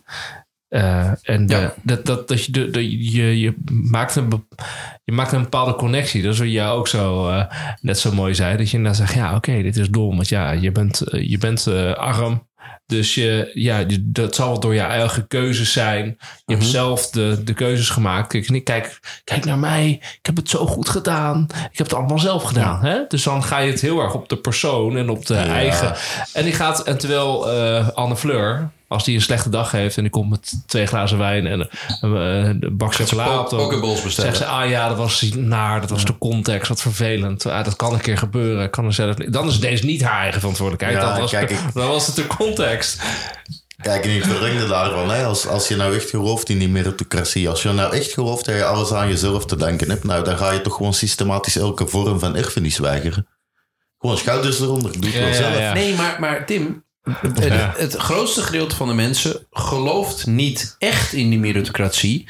Maar die meritocratie is een soort verhaal om voor jezelf te rechtvaardigen dat de maatschappij best oké is. Ehm, en dat de positie die jij hebt als onderdeel van de mensen die hoop hebben, gerechtvaardigd is. Ehm, en dat is, mensen zijn heel vaak bezig in het leven met zichzelf een verhaal vertellen. Waarvan ze, als ze iets langer nadenken, wel doorhebben dat het kletskoek is. Maar wat het wel heel fijn is om te blijven geloven. Ja, om de dag van, door te eh, komen. dan wordt het een soort van cognitieve dissonantie. Ja, is het, Ja, dat, ja, is het, dat, eh, dat is het exact. Want eh, als je wel eh erfenis een heel goed idee vindt... en al, kijk, het- idee dat, ehm, dat eh, onderwijs gedeeltelijk geprivatiseerd kan worden... met allerlei huiswerkbegeleiding vanaf groep drie tegenwoordig... ehm, dan is het idee dat er voor sommige mensen een soort pad is richting... Nou ja, eh, de traineeships, om het zo maar te noemen. Ja, het is heel bijzonder, want je hebt dus, ik, maar je hebt dus echt in de, in de sociale psychologie dus allemaal theorieën en zo. Dus gewoon bevestigd dat het heel simpel is dat voor jezelf Rechtvaardig je veel meer. rechtvaardig je het succes wat je zelf hebt, dat schrijf je toe of attribueer je aan, Aan jezelf. Aan jezelf. Aan je eigen kenmerk of werk of wat je hebt gedaan. Op het moment dat je falen hebt, geen succes, maar falen, dan ligt dat aan de context. dat, eh, Terwijl als je naar iemand anders kijkt en die persoon die heeft succes, dan maak je dus de fundamentele attributie uit. Dat je snel denkt, ja, maar dat ligt gewoon die persoon. Die heeft zelf gefaald. Dat Ja, is zijn maar- eigen keuze. En als hij succes heeft, dan zeg je, ja, nee, dat is de context. Dat is, ja, maar dat wel, dat heeft vergaande gevolgen. Hè? Ja? Er was, eh, als ik me niet vergis, drie, vier weken geleden een eh, rapport van de Nationale Ombudsman en de Kinderombudsman. Die eigenlijk Mhm. kinderombudsvrouw is, maar dat terzijde. Uh, twee ombudsmannen dus over huisuitzettingen. En dat, dat ze dus geconstateerd hebben dat binnen gemeenten... Hè, want eens je huis uitgezet wordt, is het een eh, gemeentelijke plicht om in alternatieve huisvesting te voorzien. Dat is bizar, hè? We zetten mensen uit het huis. Dan leggen we onszelf de plicht op om in alternatieve huisvesting te voorzien. Ja, ja. En dat gebeurt dan vaak te laat of niet goed. En wat de ombudsmannen constateren is van ja, maar bij de ambtenaren heeft vaak het idee van ja, maar dan hadden ze zo dom maar niet moeten zijn. Er staat letterlijk een quote zo in dat rapport. Ja. Dan denk ik, kijk, dat, daar kan je van alles van vinden. Maar wat er ook gebeurt, is dat die kinderen mee op straat gezet worden. En dat we daar dus niet meer aan denken. En dan zijn, dan zijn we eigenlijk wel ja, bijna onschuldige wezens, die nog niet aan dat meritocratische ideaal kunnen voldoen, nog niet moeten voldoen, ja, die delen wel mee in de klappen. Ja. Omwille van het feit dat we denken, ja, maar dan had die zo dom niet moeten zijn. Maar welke boodschap heeft zo'n kind eraan? En ik weet niet, wat ik, ja, en nu sla ik hem heel plat, maar we zijn 2023 in een van de meest welvarende landen ter wereld. Ja, ik denk niet dat we zoiets met snelle, dat, dat krijg je met, met een beetje meritocratisch gerul echt niet meer weggepoetst, Dat is, vind ik dit zelf. is wel een conclusie waar ook de whole system in the room toe zou kunnen komen. Eh, het is nu 2023, dat kan toch echt niet meer? Ja, ja. Ja, dat, Hoe kan dat nou? Ja, hoe kan dat ook nog steeds bestaan? Nou, en ik, ik wil ik wil, ik wil eh, als het oké is, ook een beetje richting wat, wat wij nou denken dat. Want ik, ik, ik ben een beetje bang voor het idee dat wij. wij ik word ook best wel geraakt door jouw hypothese. En, eh, maar ik wil ook naar wat, wat zou het. Hoe zouden we stap voor stap het systeem nou anders kunnen maken? En maar misschien nog één beetje filosofisch uitstapje. Zeg je niet eigenlijk dat we die, die meritocratie is eigenlijk een soort van doorgeslagen geloof in de vrije wil, volgens mij. Dus wij geloven dat mensen zelfbeschikking hebben en zelf hun pad bepalen. Terwijl wat ik ook mooi vond in jouw boek is dat jij op de vraag die jou volgens mij in dat Volkskrant interview gesteld werd. Hoe komt het dan dat jij dit bereikt hebt? Dat jij een mooie mastertitel hebt gehaald en dat je een goede baan hebt en dat je nu directeur van een denktank bent? En toen zei je volgens mij, ja, ik heb gewoon geluk gehad. ja, zo simpel is het, ja. En, en, maar we zitten in onze hele maatschappij in een soort doorgeslagen eh, geloof dat de vrije wil het grootste gedeelte van je leven Ja, bepaalt. en, Als je eigen hard genoeg... en eigen verantwoordelijkheid. Vrije ja, wil dus je en eigen talent en inzet. Ja. Eh, dus je moet een beetje talent hebben. En daarnaast moet je ook gewoon zelf heel veel inzet tonen om alles eruit te halen wat erin zit. En als je dan succesvol bent, dan heb je schijnbaar je best gedaan. Dat is je vrije wil. Ja, Ik- maar wat, wat, wat in eh, jouw rekensommetje niet zit, talent plus- plus inzet, is aandacht. Aandacht is gewoon mega belangrijk. En dat begint bij eh, eh, met mijn papa die je goed kunnen begeleiden met schoolwerk. Of anders de bijles die mama en papa kunnen inkopen. Dus dat zijn allemaal vormen van aandacht. Eh, Het feit dat je talent hebt, goed kan voetballen. Nou, als er geen aandacht is voor voetbalschoenen, dan ga je niet verkomen als voetballer. Dat is ook allemaal een vorm van aandacht. Ik, ik vind het met, met, met bijvoorbeeld eh, Max Verstappen, hè, als een merites daar gelaten. Ja, als hij een ouder heeft die geen kaart kan kopen, ja, dan mag hij heel veel talent Ja, hebben. Maar ik weet niet aandacht. Ik zou dat, ja, het is ook de, gewoon de omgeving. Ja, het is de omgeving, maar aandacht is hè, Maar ook geld. eh, dus, want aandacht, je kan een ander ja, maar aandacht kan je afkopen. Ja, precies. Als je dat het zelf niet, als je het Ja, zelf- dat- en dat is met zelfredzaamheid ook. Hè. Zelfredzaamheid kan je afkopen. Kijk, ik kom er ook niet uit met een belastingsbrief, maar ik heb een belastingsadviseur. Juridische kwestie. Ik ga er echt niet uitkomen, ondanks mijn master. Maar ik ken een juridisch adviseur. Ik wil een huis kopen. Ik ken een hypotheekadviseur, aankoopmakelaar, huurmakelaar. Als je die problemen ervaart en je kan het niet afkopen, dan gaan we Ja. naar die overheid en dan is het eerst hoe zelfredzaam bent u. Dat is de eerste vraag. Ja. Terwijl dan heb je dus iemand aan een loket die zelf niet zelfredzaam is, maar wel het vermogen heeft om die zelfredzaamheid af te kopen, die dan vraagt zelfredzaam ben je nog. Terwijl het feit dat je naar dat loket komt, ja, een diepe onzelfredzaamheid in Ja. deze complexe wereld eh, tentoonstelt. Maar ik denk die aandacht is gewoon het belangrijkste. Dat je, dat je aandacht krijgt en dat een juf voor de klas is ook aandacht, hè. In de achterstandswijken sta- staat er al heel lang geen juf voor de klas. Wat gaan we nu zeggen? Dat al die kindjes dat ons zichzelf hebben te danken. Ze hadden maar moeten verhuizen op hun zesde naar een betere wijk of zo. Dat kan je toch niet zeggen tegen de zijn, kinderen? hè? Zelfredzaam. Ja, ja, maar dat En- kan je en- niet zeggen. Ja. Dus ik denk dat dat wel belangrijk is, dat we daar ook voor hebben. Van hoeveel aandacht geven we elkaar nou nog? En geven we dat nog op een goede manier? En eigenlijk zou je in, in die context kunnen zeggen van ja, maar de overheid zou vooral aandacht gelijker moeten verdelen. En dan zou jouw meritocratisch ideaal dichterbij kunnen komen. Ik heb geen meritocratie-ideaal hoor. Dat, Nee, nee, eh, niet, niet helemaal jou, in- hè, in maar het, eh, ja. onze Hey, misschien is het tijd als je eigenlijk even vertelt waarom dit boek Beledigende Broccoli heet. Nou, eh, We zitten er al nou, heel lang over te praten. nou, We hebben hier geen broccoli op tafel. Nee, ik, ik ben, eh, nou, ik ben Belg en dan eh lees je Suske en Wiske en dan weet je dat alliteratie altijd werkt. Dus beledigende broccoli is dan eh, een mooi schoolvoorbeeld. Eh, nee, die beledigende broccoli, en dat, is- dan nog een ander punt, want we hebben het heel hard over het systeem. Want het systeem komt op een bepaald moment in de uitvoering terecht en ik merk steeds vaker dat ook in die uitvoering de al best groot is. Ja. Of het onbegrip ten aanzien van hè, die onderkant waar we het dan over hebben. En wat ik daarmee bedoel, je constateert eh, binnen het ministerie van Volksgezondheid, Welzijn en Sport, constateer je, er zijn, heel veel, er zijn veel gezondheidsverschillen. Ja. Eh, wat je dan gaat doen is eh 100 miljoen, zeg maar. En eh, dat worden potjes. Die potjes die gaan naar eh, de gemeente. De gemeente gaat dan naar achterstandswijken. En terwijl we weten dat eh, hoe je woont, hoe je werkt, hoe je leeft heel belangrijk is voor die gezondheidsuitkomsten, Ja. focussen we toch altijd op leefstijl en eigen gedrag. Ja, jij En dat- zegt hè? dat, dat, jij, dat is heel belangrijk. Jij zegt je moet juist die achterliggende Ja, structurele factoren, daar moet je Ja, maar het gaat, gewoon- het gaat gewoon, daar gaat het uiteindelijk over. Ja, en, in maar het beleid zit- richt zich vaak op symptomen of op uitkomsten. Ja, maar dat is ook het gemakkelijkste. Maar wat je dan krijgt is dan, kijk, dan gaat er een potje geld naar die achterstandswijk. De sociaal-economische indicatoren staan in het rood. Dat noemen we het achterstandswijk. Ja. Dan gaat er een potje geld, maar dat gaat niet door de sociaal-economische indicatoren. Terwijl de selectie van die wijk is sociaal-economische indicatoren. En dat geld gaat naar het individuele gedrag en individuele leefstijl. En wat gaan we dan doen? Dan gaan we bijvoorbeeld gezonde voeding promoten. En dan heb je ja, meestal, eh, ik wil niemand beledigen, maar meestal eh vrouw 55 plus die eh verleden in de GGD heeft en die gaat dan op ZCP-avontuur. Ja. Dat- ja, zo gaat dat dan. Die kennen we. Ja, ja, ja die, die zullen er genoeg zijn. En er is niks mis mee trouwens. En die gaat dan met een bestuurder van een school praten, voor dat potje geld natuurlijk. En die mag dan, die bestuurder zegt, nou, doe maar lekker mee gezonde voeding, heel belangrijk. En zij gaat in die achterstandswijk in groep 7 met een broccoli zwaaien. Eh, vaak heeft ze nog een pastinaak bij ook, hè, want vergeten groentjes vinden ook heel belangrijk tegenwoordig. Maar wat zij vergeet is dat de kinderen geen ontbijt hebben gehad. Wat zij vergeet is dat de helft van die kinderen op een GGZ-wachtlijst staat. Wat zij vergeet is dat de helft van die kinderen met huiselijk geweld te maken hebben en dat daar niks aan gebeurt. Wat zij vergeet is dat 70% van die kinderen in armoede leeft. Wat zij vergeet is dat die onveiligheidsgevoelens in die wijk heel hoog zijn. Daar gebeurt niks aan. En wat zeggen we? Ja, maar broccoli is goed voor je immuunsysteem. Dat is dan daarna terug. Dat wil niet zeggen dat je geen eh, broccoli moet gaan promoten.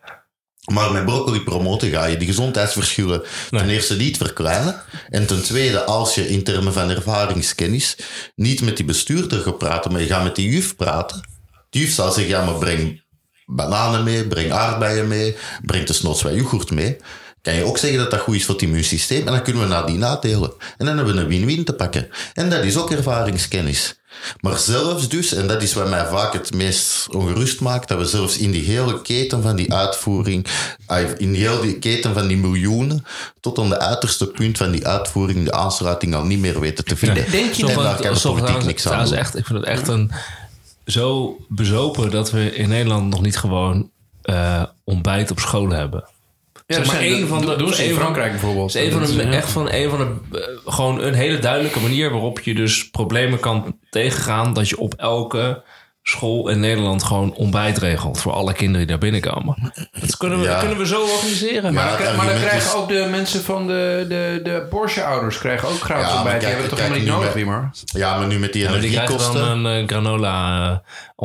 Maar zij mogen dan, eh, de, de, op school krijgen ze dan gewoon eh Ja, maar een, wat er eh, nu gebeurt, dat willen ze niet. Wat er nu gebeurt, die beledigende broccoli, dat is een, dat is een echt voorbeeld. Hè? Ik heb dat niet Ja. verzonnen. Hè? Ik heb dat in de praktijk zien gebeuren in een bepaalde school.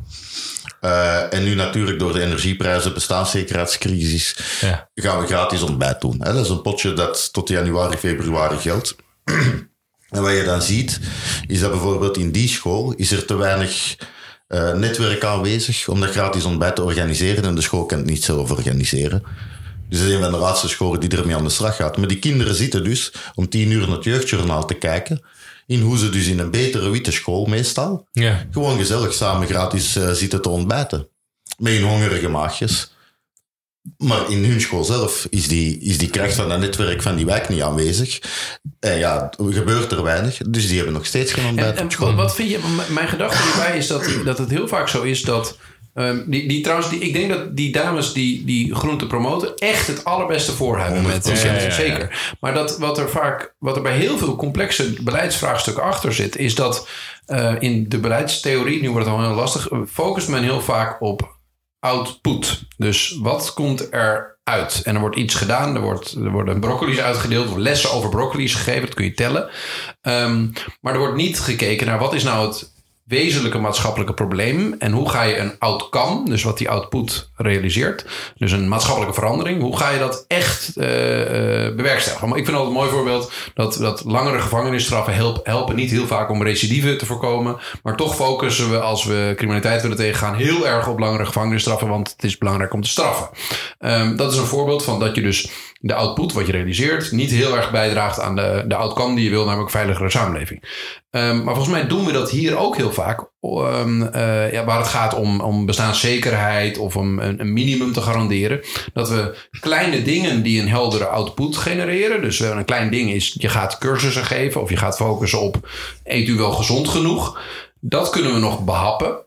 Maar het echte probleem dat we gezinnen hebben en heel veel kinderen die onder een bepaald bestaansniveau eh, leven. En dat je een, een maatschappelijk outcome wil, waarbij het heel simpel is volgens mij dat je minder gezinnen wil die in zo, of kinderen wil die in zo'n situatie opgroeien. Dat vereist dat je naar het gehele probleem van hoe komt het nou dat kinderen onder een bepaald bestaansminimum opgroeien. En dat heeft te maken met sociaal-economische eh, situatie, met wijken, met, met gezinssituaties, met aandacht. Met, met, het is ontzettend moeilijk. En we vinden het heel fijn om kleine dingetjes te doen die bijdragen aan eh, een klein beetje de symptomen te bestrijden, dus output genereren. Hè? We, hebben, we hebben we ze geleerd Maar het over moet wat gezond beetje, het eten moet is. een beetje een quick fix zijn. Het is een quick en er moet, is gewoon er lekker. moet ook wel een, een dimensie van eigen verantwoordelijkheid in zitten. Dat vinden we dan toch wel belangrijk. Dus je moet wel we hebben zelf... ze geleerd. We hebben ze niet Ja. voor, eh, vis gegeven. Ze hebben ze dus een moeten geleren vissen. Ja, maar ik vind dat, weer dat, ik, ik vind dat een geweldige uitdrukking. Van ja, je moet mensen niet leren... ah, je moet mensen geen vis geven. Je moet ze leren vissen. Maar ga maar eens vissen op een lege maag. Schiet helemaal niet op. Ja. Dus ik denk, nee, je moet ze en een vis geven en je moet ze leren vissen. Je moet beide gewoon doen. En dat vind ik ook. Die, je moet, het is niet dat eh, dat gezondheids... eh eh, goeroe-achtige broccoli zwaaien, dat dat fout is. Maar het wordt wel fout in de context dat je de rest van de problemen en de structurele oorzaken weigert aan te pakken. En ik denk, als je naar beleid kijkt, wat u ook zegt, van ja, in- eh, output, outcome. Nou, we focussen heel hard op effectiviteit en efficiëntie. Want dat, dat kan je in een jaartabelletje gieten en dan hebben we het eind van het jaar dat. Maar je rendabiliteit van je beleid komt uit het beeld.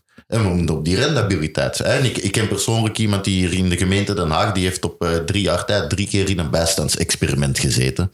Want ja, mensen in de bijstand, die moeten we activeren, want dat vinden we belangrijk. Dan noemen we dat een experiment. Experimenteren op dieren, dat vinden we heel fout, maar experimenteren met mensen, dat gaat nog net als het over de bijstand gaat. En wat krijg je dan? Dat is op drie jaar tijd, een half jaar van die bank, hè, moet ze onder de moet ze van alles gaan doen. Dan eindigt dat project, kan ze terug een half jaar op de bank, moet ze verplicht kaartje gaan knippen in theater of ze verliest haar bijstand en dan komt ze terug. die is na drie jaar gewoon kapot vernederd. Die vrouw heeft zoiets, ja, maar ik, ik, ik, ik wil niet meer meedoen met die overheid. Ik kan niet meer meedoen met die overheid. Ik voel me vernederd. Ik ben op. Ik heb hier niks meer mee. Dat is op drie jaar tijd drie keer effectief en efficiënt beleid geweest. Maar op drie jaar tijd alles behalve rendabel beleid. Want je bent die vrouw en al haar vertrouwen gewoon kwijt. Oké, wat zou Tim hier adviseren als beleidsmaker dan? In, in deze situatie? Want dit is natuurlijk een voorbeeld, daar zijn er vast veel meer van. Nou, ik denk wat je moet doen is, je moet als overheid op korte termijn je verlies durven nemen. Om te realiseren dat je op lange termijn waarschijnlijk de meeste winst maakt. Kijk, als jij, als jij gezondheidsverschillen in de toekomst wil voorkomen, en die kosten ons heel veel geld, als jij die wil voorkomen, dan moet je gaan investeren in bestaanszekerheid. Bestaanszekerheid, bestaanszekerheid. Dat is alles wat ons gezond maakt. Als dat afwezig is, maakt dat andere mensen ongezond. Het is niet ingewikkelder dan dat. Als jij geniet van je woonzekerheid, jij geniet van je woon, jij geniet van eh, de buitenruimte die je hebt, nou, dat maakt je gezond. Als dat er niet aanwezig is, ongezond. Als je kijkt, ik zeg altijd, de grootste risico-investeerders, dat zijn de mensen die werken aan een minimumloon. Want die investeren in hun gezondheid, die zetten hun gezinssysteem onder druk, die zetten hun nachtrust onder druk. En die krijgen er een minimum gewoon voor terug. En dan zeggen we, ja, maar je moet hard werken. Volgens mij werken die mensen knetterhard. Wat bedoelen we met hard werken? Met hard werken bedoelen we, je moet veel geld verdienen. Nou, maar daar ga je zelf niet over. Je gaat zelf niet over eh, de hoogte van het minimumloon. En dat is het punt. Je hebt die 15% van in het begin van verhaal gezond, tevreden, hoog opgeleid. Zij gaan daarover. Zij gaan over je leefomgeving, over je woonomstandigheden. Zij gaan over het minimumloon. Zij gaan over of er een juf al dan niet voor de kras staat. En we zien nu dat al, al onze sociale grondrechten verkeren tegelijkertijd in crisis. Wooncrisis, zorgcrisis, onderwijscrisis, bestaanszekerheidscrisis, leefomgevingscrisis. Allemaal tegelijkertijd. En wat doen we? Dan gaan we over armoede praten en dan gaan we naar mensen in armoede kijken. En dan denk ik, ja, maar dan kijken we toch verkeerd. Want niemand die in armoede leeft, heeft ooit om de knoppen gedraaid. Misschien moeten we dat omdraaien. En misschien moeten we ons, gegeven onze 15% en al onze goede bedoelingen, misschien moeten we ons echt afvragen, kunnen wij gegeven onze focus op, eh, eh, onze focus op professionele kennis, wetenschappelijke kennis en beleidskennis, en die afstanden die er zijn, kunnen wij nog wel het goede doen? Missen wij geen vierde kennisbron? En is dat niet ervaringskennis? Maar die fundamentele vraag, kunnen wij dit nog? Hoe hoger je komt, hoe minder ze gesteld wordt. En die moeten we stellen met z'n allen.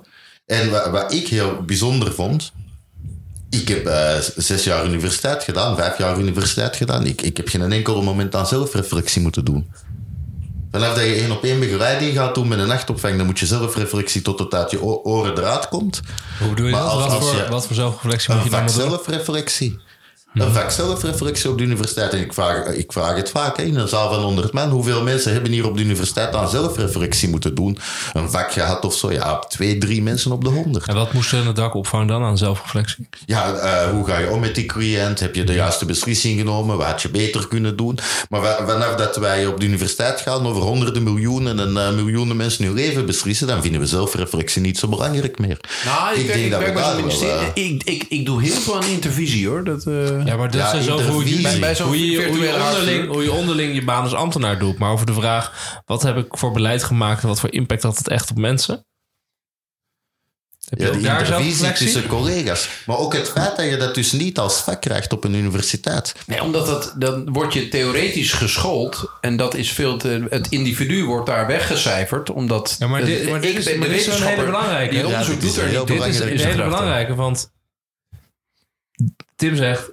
eh, in de dakloze opvang is er zelfreflectie over hoe ben ik omgegaan in een situatie met een dakloze. En had ik dingen anders kunnen doen. De zelfreflectie die waar jij het over hebt, of, de, of de intervisie, gaat over ambtenaren die met Proces. elkaar onderling zeggen: hoe hebben we onderling elkaars processen eigenlijk wel Ja. goed gedaan? Hoe zijn we met elkaar omgegaan? Hadden we dat anders ik word niet gedwongen het gaat niet over de vraag wat we nu gaan beleid hebben gemaakt. Ja. Hoe is dat eigenlijk? Hoe, hoe is het eigenlijk uitgepakt? Ik heb, dat, ik, heb, ik, heb wel mooi, voor- ik, heb bij, eh, bij, ik heb heel lang gewerkt aan een website. Die heet mijnoverheid.nl. Die heb ik. eh, Hoe heb je er ook aan gewerkt? Ja, ik was productmanager van, dat, eh, van die website zelfs. Eh, en toen ben ik een tijdje elke maand bij het, eh het callcenter gaan zitten. En dat was radicaal. Ehm, want bij het callcenter werkten ja, mensen die werken bij het callcenter. En, maar je hebt ook mensen die werken, dat zijn de IT'ers en de beleidsmensen, de productmensen die nadenken over wat het in de toekomst wordt.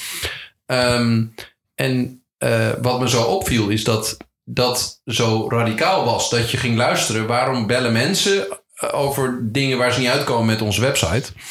Eh, en wat heel lollig is om te vermelden, is dat eh, meer dan 80% van de eh, belletjes van, eh, voor mijnoverheid.nl ging niet over mijnoverheid.nl. Want mensen dachten dat ze met de overheid belden. Want het was namelijk mijn overheid. Als je googelt op de overheid bellen, dan kwam je bij mijn overheid. Mooi is dat. Dus mensen belden met parkeerproblemen, eh, zaken voor een uitkering, eh, ehm, eh, gewoon dingen in de straat die niet goed waren. Omdat ze dachten, ja, ik bel met de overheid. Goed punt. En dat waren dus allemaal mensen. En, en het gekke was, dus, dus die bouwers van die website, of eh, de, de portaal, hadden nooit nagedacht van ja, als wij bovenaan bij Google verschijnen als je mijn overheid zoekt, dan gaan mensen met alles bellen. Want mensen denken gewoon dat de overheid de overheid is. Eén overheid. Tuurlijk.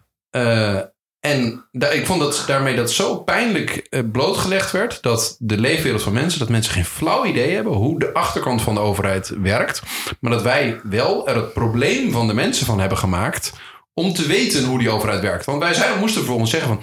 Nee, als u belt voor dit en het. Dan, oh, u belt voor uw wegenbelasting. gemeente, de Dan moet u gemeente. bij de, bij de RDW zijn ja. of bij de Belastingdienst. Dus 80% van wat die callcenter-medewerkers aan het doen waren... was doorverwijzen. Naar het juiste loket. En die waren dan zelf aan het googelen van waar die mensen dan naartoe moesten bellen. En vervolgens zeiden ze, eh, succes ermee. Goed, ga, ga daar maar heen bellen. Dat is eigenlijk dus was het een fantastische kans. Namelijk gewoon één loket voor de burger. Maar eigenlijk het hele zin van... Ik heb een probleem. Ik bel mijn overheid. En dan word ik doorverwezen naar waar ik echt moet zijn. Ja, maar ik dat denk zou een gat in de markt eh, zijn. Ja, ja en, en dat zou pas innovatie zijn, denk Ja, dat zou maar wel dat, zijn. was eigenlijk ook een van de... Nou, misschien moeten we zo een soort Ja, slotvraag moeten maken als je het goed vindt. Ehm, eh, ik, ik denk dat een van de oplossingen... eh, nadat ik eh, eh, jouw boek heb gelezen... en nu misschien wel zit in... Dat is een beetje een stokpaardje... want dat komt in, eh, in onze 90-plus aflevering van vaker terug... in eh, complexiteitsreductie. is een beetje een, een, eh, een systeemwereld Verschrikkelijk woord. woord. Eh, dingen makkelijker maken. Dat zou het voor normale mensen zijn, denk ik. Ehm, omdat die systeemwereld is godschuwelijk complex. Voor, voor, en, en ik denk dat de, het effect van wat jij eigenlijk betoogt, Tim, om de leefwereld veel meer in, naar die systeemwereld naar binnen te krijgen en, en ervaring echt als een kwaliteit te zien. Ik denk dat effect heel goed wel eens kan wezen dat ontzettend veel dingen simpeler zouden moeten worden om te organiseren, om je bestaanszekerheid eh, gegarandeerd te zien in onze rechtsstaat. Eh, omdat we heel veel dingen, zoals jij gezegd, op dat niveau van die diploma-vogels georganiseerd hebben. Hoe, hoe denk, denk je dat dat, hoe kijk je daar tegenaan als, als nou ja, richting? Nou, ik, ik- kijk, complexiteitsreductie. Dat is een moeilijk Ja, sorry. kan je niet tegen zijn. Hè. Minder complexie is altijd goed. Maar dat wordt dan vaak ook wat duurder. Hè, want dan eh, misschien één loket. Dus dat vinden we dan ook spannend. Maar ik vind wel fundamenteel. Als je kijkt. Laat ons zeggen, voor 20% is het leven echt te complex. En daarmee de overheid ook gewoon fundamenteel te complex. En ik vraag me af, moeten we nou niet echt gaan nadenken met z'n allen, zoals we speciaal onderwijs hebben, zoals we beschutte werkplekken hebben, zoals we beschermde woonvormen hebben, hebben we ook geen bijzondere overheid nodig. Een overheid die voor die 20% die chronisch ziek is, die nooit meer werk zal zijn, die, die, eh, waar vanaf hun zesde bewezen is dat ze verstandelijk beperkt zijn en die nog steeds dezelfde brieven krijgen als wij, hebben we voor die 20% niet gewoon een bijzondere overheid nodig, die volgens andere financiële principes werkt. En dan moeten we niet meer roepen, het systeem moet op de schop, want voor al diegenen die hun zelfredzaamheid min of meer een beetje kunnen afkopen, werkt dat systeem. Maar voor die 20% helemaal niet. Maar wat we nu zien is dat we, doordat het zo complex is en digitalisering, veel van hen zijn analfabeet, eh, hebben die digitaliseringsslag volledig gemist, zie je dat ze nog meer onder druk komen te staan. En dat zijn mensen die inderdaad eh, twee foutjes maken en dan uiteindelijk een boete krijgen, terwijl ze al niks niet meer hebben. En dan komt er een financiële coach vertellen hoe, hoe ze geld dat ze niet hebben moeten beheren. En ja, dan gaan ze natuurlijk ziek op de bank zitten. Dan komt er een beweegcoach voor te zeggen, ja, het is wel beter dat je van je bank gaat. Uiteindelijk, ja, dankzij die schulden kunnen ze energie, energie niet betalen. Dan komt er een energiecoach vertellen hoe je thermostaat werkt. Wat doen we die mensen aan? Kunnen we daar niet gewoon zeggen voor die 20% isoleer die als het ware binnen de overheid in en elke twee maanden gewoon eens op de, elke, elke zes maanden op de koffie gaan en gewoon van loopt hier alles nog goed? Zijn er dingen die geregeld moeten worden? Dan zou je ook, dan zou je ook ambtenaren moeten hebben die nou, naar die op visite gaan, maar die ook eigenlijk heel veel vrijheid krijgen. Beleidsvrijheid krijgen in de oplossingen voor, dat voor weet ik dus niet. Want als je nu kijkt, kijk, we hebben nu bijvoorbeeld eh, we hebben een instituut, al- instituut Publieke Waarde van Albert-Jan Kruiter Ja. met de doorbraakmethode. Maar wat je dus eigenlijk hebt de facto, je hebt een overheid met een systeem. Ja. Ze begrijpt daar eigen systeem niet meer in. Dan heeft ze een systeempartij nodig van buiten dat systeem, die in dat systeem komt, dat systeem voor haar komt om te worstelen Ja, ja, om zo uiteindelijk het goede te doen. En dan denk ik, dat gaat altijd min of meer over dezelfde populatie. En dat is een absolute onderkant, en dat bedoel ik respectabel. Zou je dat gewoon niet anders moeten isoleren? Ja, Want die klopt, mensen hebben overheidscontacten. Dat zijn de mensen die vijf keer bellen per week voor de gemeente. Maar de gemeente ra- raadt geen algoritme los op haar krant contacten. Dus heeft helemaal niet door. Het zijn dezelfde mensen. Hier speelt waarschijnlijk iets aan de achterkant. Die kan je, daar kan je volgens mij echt eens goed over nadenken. Want kijk, het punt is... Het probleem zit er niet in, in die, in die kosten die ze hebben met boeten. En ze, ja, het de overheid allemaal wel. Het probleem zit er erin. Het zijn mensen die al ziek zijn, die nog meer onder druk worden gezet. Of mensen die al moeilijk mee kunnen, nog steeds meer onder druk worden gezet. En dat gaan gewoon zeker met de vergrijzing in aantocht, met de zorg die nu al onhoudbaar is. Daar zit de grootste kost. Als je daar voor die groep op kan ingrijpen. En je bezorgt meer levenskwaliteit. En je zorgt volgens mij voor reductie van je eigen complexiteit en daarmee je eigen kosten. Dus een bijzondere overheid voor die absolute onderkant. Volgens mij is dat eh, iets om af te sluiten. Een bijzondere overheid. Ja. We hebben, eh dankjewel uh, Graag gedaan. dat je je hier eh, wil zijn. Was het een beetje te doen? Dat is een Ik vond het podcast. wel leuk. Ja, ik Moeten we het nog leuk. uitknippen? Ja, ja, was ja. leuk, toch? Ja, ja. ik- Nee, dat is wel hartstikke leuk. Fijn dat je er was. Eh, leuk gesprek. Mooi gesprek. Inhoudelijk gesprek. leerzaam gesprek. Wouter die gaat... eh Zal ik dus alles anders doen. Nee, ja, nee ik, ik ga wel eh, mijn eh, collega's adviseren om in ieder geval het boekje Beledigende Broccoli te le- lezen. Ja. Het is best wel een behapbaar boekje. Volgens mij het is 116 pagina's. Dat, dat, dat, eh, ik heb het denk ik in, eh, in twee middagen uitgelezen. Dat, eh je bent er zo doorheen. Eh, En een aantal hele heldere lessen inderdaad. Hou meer rekening met de context, want het gebeurt niet te weinig. Kijk naar je aannames of die wel met de ervaringskennis overeenkomen. Met verkeerde aannames, daar kan je heel veel dingen fout bij doen. Schrijf je ook heel duidelijk, duidelijk op. En de homogeniteit van de hoopvolle. Dat vind ik wel een mooi, ja. mooie eh, les. Tot slot, aflevering 96. We moeten eh, Wim Brons nog even bedanken. Want die, Ja. daar staat er, daarom staat er Tim eh, WB op jouw microfoon van remotepodcast.nl. Die maakt het mogelijk dat wij deze aflevering zo goed kunnen maken. En voor de rest, Tim, onwijs bedankt. Eh, Heel bedankt voor, je tijd. En eh, we hopen dat de systeemwereld een beetje heeft geluisterd. Ik hoor het voor Dat jullie. hoop ik ook. dat hoop ik ook. En Randy mag een review achterlaten. Dankjewel, Ren. Dankjewel.